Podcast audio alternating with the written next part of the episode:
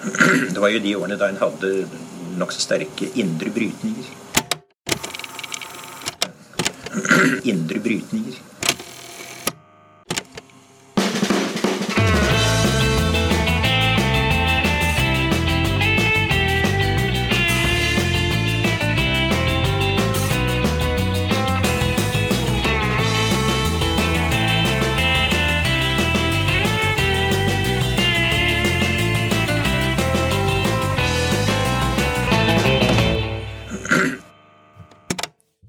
Og velkommen til eh, Noen har snakket sammen. Mitt navn er Aksel Fjellavli. Og jeg heter Tiril Rustan Halvorsen. I dag skal vi snakke om eh, forskjeller og om fotball. Mm. Og er det egentlig sånn at fotballen klarer å ta vare på det fellesskapet som den har vært? Det var jo en sak i Aftenposten tidligere i uka som eh, viste store forskjeller i Oslo, da, mellom eh, det de kaller rike klubber og det de kaller fattige klubber, hvor blant annet fire ganger så mange guttespillere da, eh, fra de såkalte rike klubbene ble rekruttert opp til sonekretslag enn fra de fattige, for å ett illustrerende eksempel på hvordan denne forskjellen kan slå, seg, slå ut. da. Og er dette kanskje et bilde på noe større? Det skal vi grave litt eh, i i dag. Og til å hjelpe oss med det har vi fått eh, Anders Jacobsen på besøk. Velkommen hit. Ja, god morgen, og takk for at jeg fikk komme. Eh, Anders er jo da både fotballtrener, jobber i dag som lærer, men har også erfaring som proffspiller, bl.a. blant annet fra England i Notts County og Sheffield United. Um, har også skrevet ei bok som heter 'Hjelp, jeg har blitt eh, fotballtrener', og det er jo litt eh, utgangspunktet for, for at vi har invitert deg, Anders. Um, vi kan starte med et sånn um, overordna uh, spørsmål som en inngang her. Uh, hva tenker du da, utover folkehelse? Hva, hvilken rolle uh, spiller fotballen, hvorfor er den viktig for samfunnet? Ja, det, hvis vi skal ta et sånn samfunnsperspektiv, så, så tror jeg det det er egentlig mer lyst til å snakke om hva betyr den for de barna som begynner å spille fotball, og, og hva det fører med seg av positive ting for, eh, for samfunnet. Eh, For fotballen det har vært eh, drømmenes arena for mange små. De leker eh, at de er noe annet enn hva de er. F.eks. at de er eh, Erling Braut Haaland, det kan de leke. Eller de kan leke at de er eh, Ada Hegerberg. Og så kan de drømme om at de en dag skal bli det. Men eh, det er ikke sikkert at de drømmene som de har, skal realiseres. Det skal få lov til å være drømmer, sånn at barna kan få lov til å leve i frihet. Jeg knytter barndom og frihet veldig tett sammen. Men hvis vi gjør om drømmene deres om å bli som Ada Hegerberg eller Erling Braut Haaland til mål, mål som skal realiseres, så må vi jo gjøre noe annet med hvordan de skal trenes, tror mange voksne. Da må vi akademifisere oppveksten deres. Vi må gjennomorganisere den og styre i retning av noen mål. Og da tror jeg vi mister det jeg egentlig starta med å prøve å si her, at hvis du får lov til å drømme i frihet sammen med vennene dine ganske nærme der du bor, da får du tilhørighet. Du får lov til å vokse opp i en slags form for trygghet, for det er ingen som presser deg til å bli god. Det er bare inni ditt, ditt, det er dine egne drømmer som styrer hvor mye du orker å holde på med det her. Eh, du vil få anerkjennelse og aksept fra andre, og du vil på mange måter føle at du er en del av et fellesskap. Og hvis du får lov til å holde på sånn, så blir du sannsynligvis veldig glad i å spille fotball. Da kommer du til å bevege deg lenge, og der kommer folkehelsa inn. Det, det vil være bra for helsebudsjettene våre. Hvis du får tilhørighet, så kan du f.eks. ha på deg en fotballdrakt istedenfor en ja, tilhøre en skummel motorsykkelgjeng eller noe sånt etter hvert, for å føle tilhørighet. Og du kan få anerkjennelse for framgangen din eh, på fotballbanen istedenfor å få anerkjennelse f.eks. gjennom å drive med kriminalitet eller tøffe seg på, på andre måter. Eh, og jeg tror også det er veldig sunt for lokalsamfunn at man føler en tilhørighet og en identitet som knytter deg til der du kommer fra, som du er stolt av. Eh, Jeg tror det er veldig få mennesker som ja, knuser vinduene i et klubbhus hvor de har fått lov til å være med å pusse opp og male, hvor de føler at de blir sett og verdsatt. Så gevinsten av dette er helt enorme, og så er det også en langsiktighet i dette her som man må tenke over, og det er hvis mange nok får lov til å ha det sånn, sånn som kanskje min generasjon hadde det i vår oppvekst, så dukker de opp igjen som frivillige når de er voksne. Så dagens tiåringer, eksempel, da, hvis de skal få barn omtrent sånn som når voksne får barn i dag, når de er rundt ja, 30 år, da, for, for, eller 31 så for menn og 30 for kvinner, rundt der, tror jeg. Så tar det om ca. 26 år, så har de barn i seksårsalderen, fem-seksårsalderen, og så skal de være frivillige. Kommer de til å være det, sånn som, vi, sånn som fotballen utvikler seg nå? Det er lov til å stille seg noen ja, store og litt skumle spørsmålstegn ved. Mm. Og dette er jo utrolig mange fine konsekvenser som man skulle tro at de fleste så på som ønskelig, men når man leser den Aftenposten-artikkelen, da, eh, så er det ting som tyder på at eh, det er i ferd med å forsvinne litt. Og særlig kanskje de mest utsatte områdene som, hvor dette hadde vært eh, mest trengt. Og som jeg refererte til i sted, at det blir rekruttert færre, færre fotballgutter, da, som de har sett på denne artikkelen, oppover i i, i lagene, og de eh, kommer ikke De lagene kommer ikke så langt i, i Obos-cup videre. Ja. Er det et problem? At, at, toppfotballen har et problem, er et sånn rart spørsmål, syns jeg. For uansett hva vi driver med, så kommer det jo til å være toppfotball. Det kommer jo til å være elleve spillere på A-laget til Vålerenga uansett, så der får vi nok tak i elleve. Mm. Hvor de kommer fra, det er et interessant spørsmål. Eh, hva er rekrutteringsbasen til toppfotballen i framtida? Skal den rekrutteringsbasen være fra et smalere segment av øvre middelklasse i enkelte bydeler, eller skal eh, talentpotten i norsk fotball omfatte absolutt alle norske gutter og alle norske jenter, sånn som det eh, har vært i en ganske lang periode? Eh, det er jo ikke sikkert at man får de gevinstene man ønsker da, gjennom å øke prisene for deltakelse, for det er jo det som har skjedd der. Og med det så har det jo også kommet noe bra det er blitt bedre kvalitet på treningene, for det er blitt bedre trenere. Det er ønska. Det som er uønska, er at det har blitt dyrt. Så mange, også i de rike klubbene, for det fins folk med lav inntekt på, på, i Oslo vest og andre i gåsehudene rike bydeler i, i, Oslo og i Oslo-området. Mm. Tenk på de barna som ikke kan være med der. Og så har vi en frivillighetskrise i enkelte bydeler hvor vi ikke klarer å rekruttere nye frivillige. Og Der trenger vi det jeg kaller en Marshallplan mot utenforskap. Mm. Veldig flott at uh, kulturminister Trettebergstuen bevilga 100 ekstra millioner nå. Det er en, eh, en start, men uh, samfunnet vårt er i, i, rask og kraftig endring. Og Da tror jeg det, det, det, trengs ny type politikk, det trengs ny type sosialdemokratiske prosjekter for å hindre utenforskap. Mm. Mm. Vi kommer nok litt mer eh, inn på det eh, etter hvert, men jeg hadde bare lyst til å spørre litt om eh, både det du har skrevet bok om, og de erfaringene som, som fotballtrener. Hvilken rolle tenker du treneren skal ha utover det rent liksom, fotballfaglige? Ja, de kommer jo inn med hele liv i bagasjen, de ungene man møter. Ja, nei, Å være fotballtrener for barn det er veldig gøy. Det vil jeg anbefale alle. Jeg hadde jo trent voksne fotballspillere som hadde det som som jobb. Jeg hadde hatt det som jobb sjøl lenge og trodde jeg kunne en god del om fotball. Men på en av de første kampene jeg var med på, hvor da var det en spiller som ikke ville angripe. Han stoppa på midtstreken. Jeg syntes det var vanskelig og tok en liten prat med han. Forsto ikke helt hva det var, men han var pasifist. Så han nekta rett og slett å angripe, og det var jo en situasjon jeg ikke var helt forberedt på. Men det var jo et helt fantastisk møte, og, og det er kanskje de møtene der som gjør at det er veldig, veldig gøy å trene barn i fotball.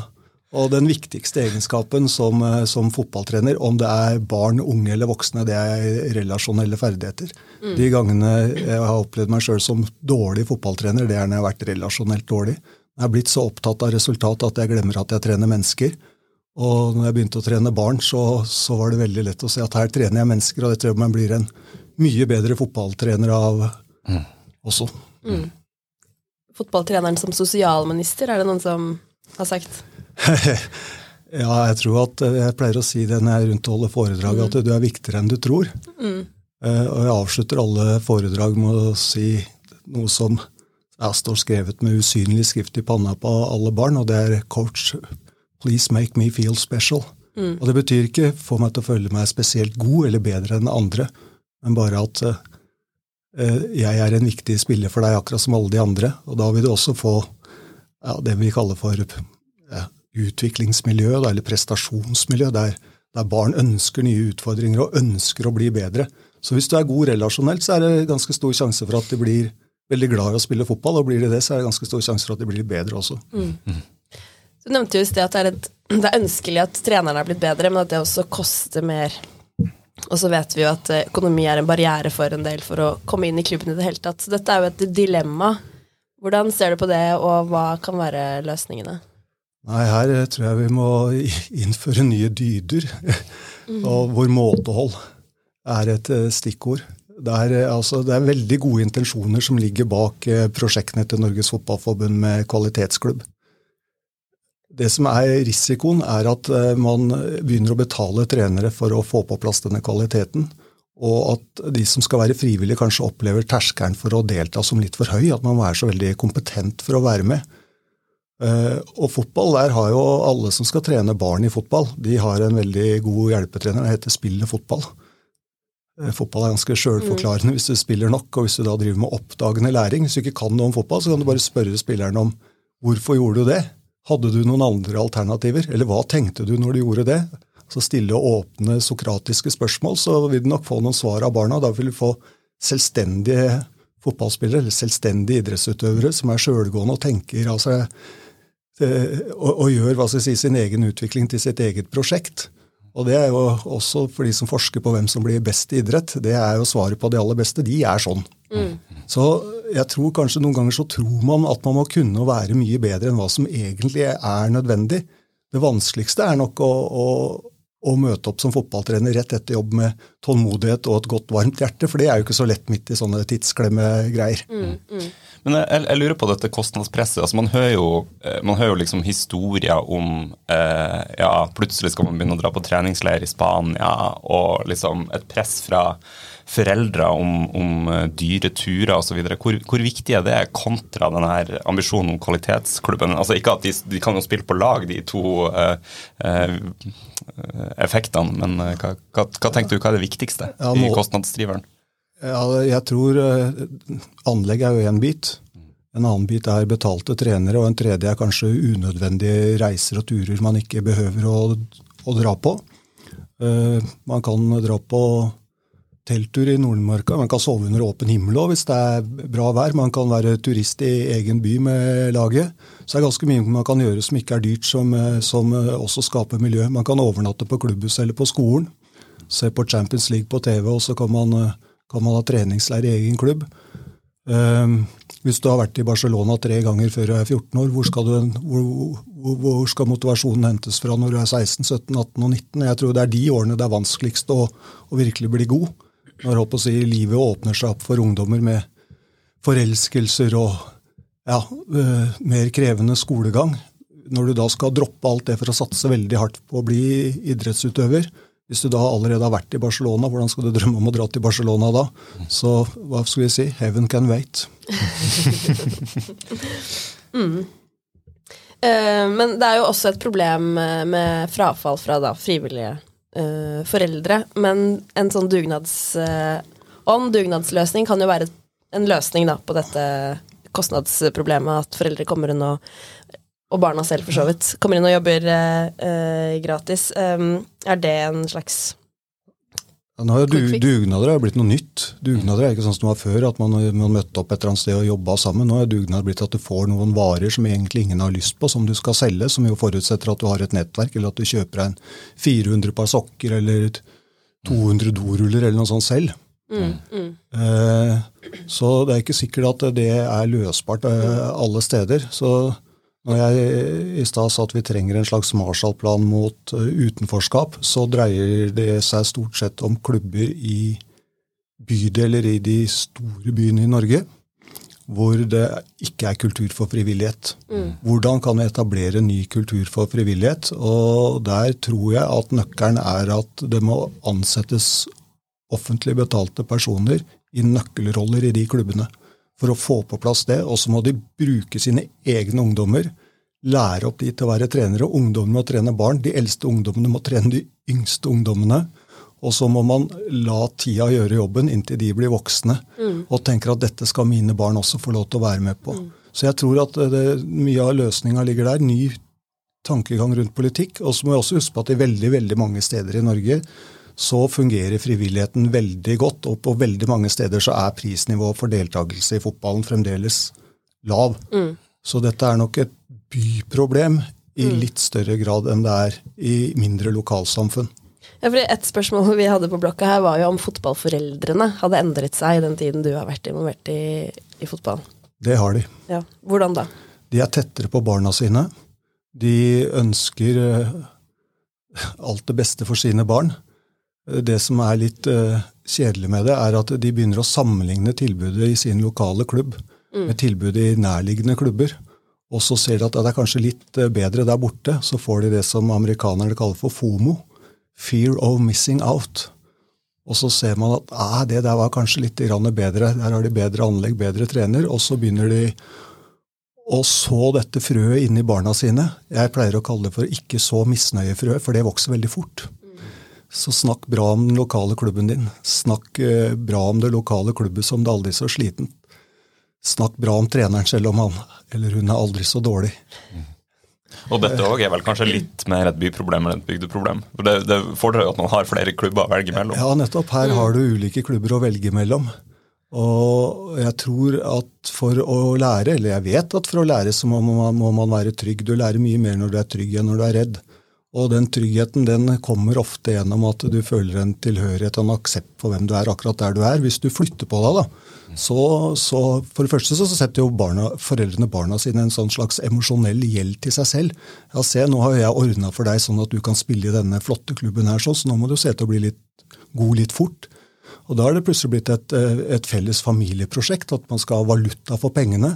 Barna har også blitt en kunde i en klubb hvor man har kjøpt en slags tjeneste da, av en klubb som har et bedre, i hvert fall noe man tror er et bedre tilbud.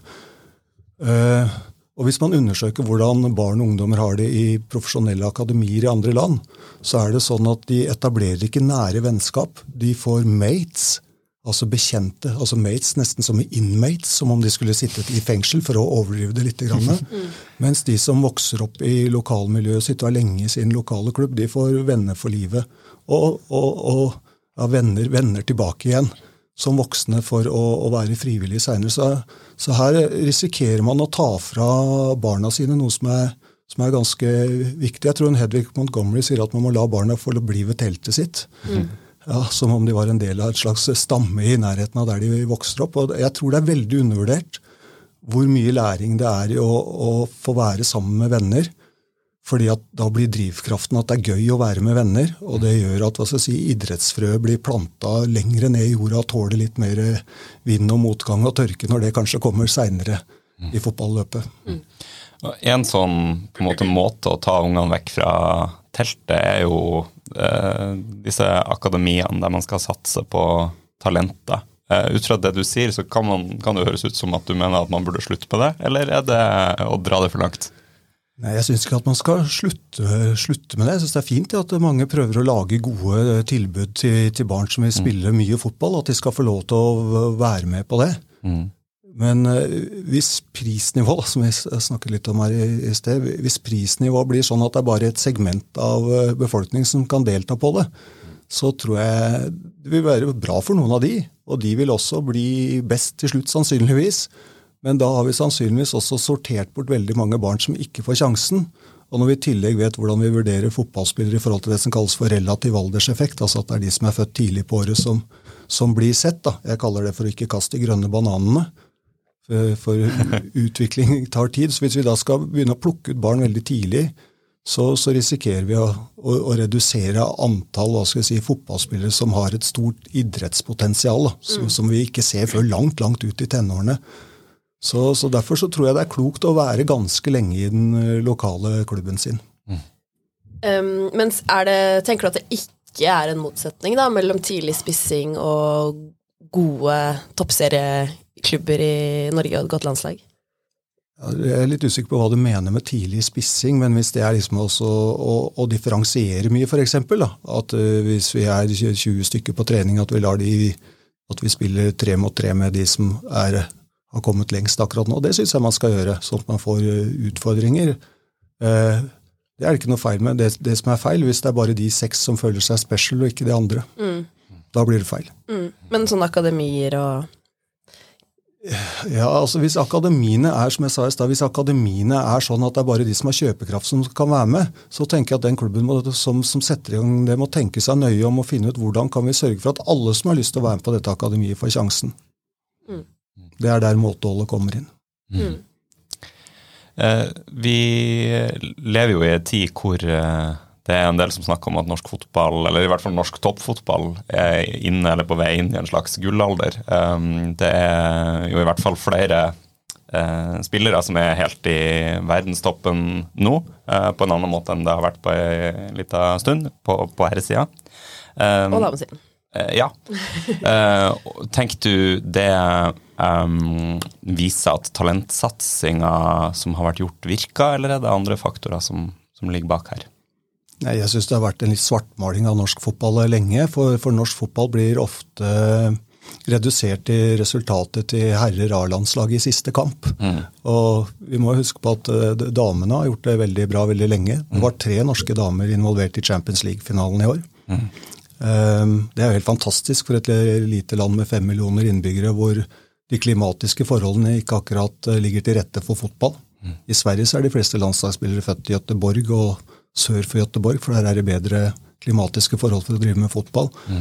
Eh, Men at det er gjort mye bra i norske fotballklubber. At kvaliteten på trenerkorpset har gått opp, at bevisstgjøring på hvordan vi trener barn og unge har blitt bedre, det er jeg helt sikker på. Og, og kunstgress har gjort eh, sitt i at vi har hatt mulighet til å spille mye mer fotball på OK underlag vinterstid.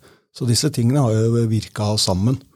Og så må vi bare passe på at den der økte kvaliteten da, ikke ender opp i en prisgalopp. Det er jo egentlig det som er varsko fra min side her. sånn. Eh, og Det er jo egentlig litt rart at det er jeg som sitter her og prater om det. Burde jo vært eh, noen fra Fotballforbundet. Lise Klavenes burde jo sagt disse tingene, og ikke jeg. Ja, fordi hva er det mm, Hva er det forbundet, da, fotballforbundet, kan gjøre helt konkret, mener du, for å unngå at det blir en prisgalopp? De må si de tingene jeg sier nå. Det er bevisstgjøring av eh, lokale klubbledere, sånn at de evner å tenke litt lenger fram enn bare hvordan kan vi lage et maksimalt bra opplegg nå. Og de bør egentlig spørre de barna som ikke har råd til å være med, hva syns du om dette akademiopplegget vårt? Hva syns du om at det skal koste 4000, 6000, 10 000 kroner for, eh, for femåringer, seksåringer å spille fotball? Hva synes du om at vi skal på treningsleir for en ungdom som koster 10 000 kroner i vinterferien? Mm. Jeg trente noen spillere i Årvoll. Da skulle vi på en, en liten tur som, eh, som kosta 1200 kroner. Da var det plutselig noen som skulle i kirka på søndag. Så de kunne ikke være med. Så de ble jo bråkristne da, i, for å slippe å si at de ikke hadde penger. Ja. Jeg jeg tenker at det er masse bevissthet Bevisst Hva heter det? Jeg tenker at det er masse bevisstgjøring at du sitter der og snakker om det også, jeg, Anders. Det, vi håper jo, håper jo at det ikke bare må være Fotballforbundet som sier disse tingene. Men og så har vi jo politikere, og så har vi Du nevnte at eh, Trettebergstuen hadde vært ute med 100 millioner tidligere denne uka. Er det noe annet politikerne kan bidra med? Ja, det er driftsstøtte til klubbene. Sånn at de trenger eh, å bruke så lite tid og krefter på drift, og så, sånn at de frivillige foreldrene kan bruke mest mulig tid på det de har lyst til, og det er å være der ute på banen sammen med barn og unge. At de ikke skal sitte som byråkrater og drive med søknadsprosesser inne i et klubbhus. For eh, aspirerende trenere, da, har du noen, eh, noen tips helt på slutten? Ja, Det første tipset jeg vil si, er at hvis du kjenner en som ikke er trener, så gi den personen eh, et fotballag i gave. For da tror jeg at du vil oppleve at eh, livet ditt blir bedre. Du trenger ikke å være veldig, veldig kompetent for å være fotballtrener. Hvis du bestemmer deg for at du skal forsøke å, å gi alle barna lik verdi, og at du skal forsøke å, å utvikle alle sammen. Og så er det i alle fotballklubber så er det ganske mange som har spilt mye fotball som du kan få litt eh, hjelp av. Så ikke vær redd for å bli med.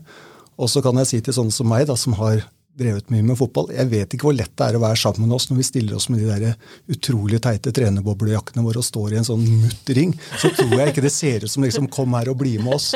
Så vi må også gjøre noe med kroppsspråket for hvordan vi er. sånn at eh, Vi ønsker at, eh, at flere skal bli med, men da må vi signalisere det litt med ord, sånn som jeg gjør her nå, og litt med kroppsspråk når vi er på å trene ute på feltet. Anders Jacobsen, tusen takk for at du kom til eh, Noen har snakket sammen. Ja, takk.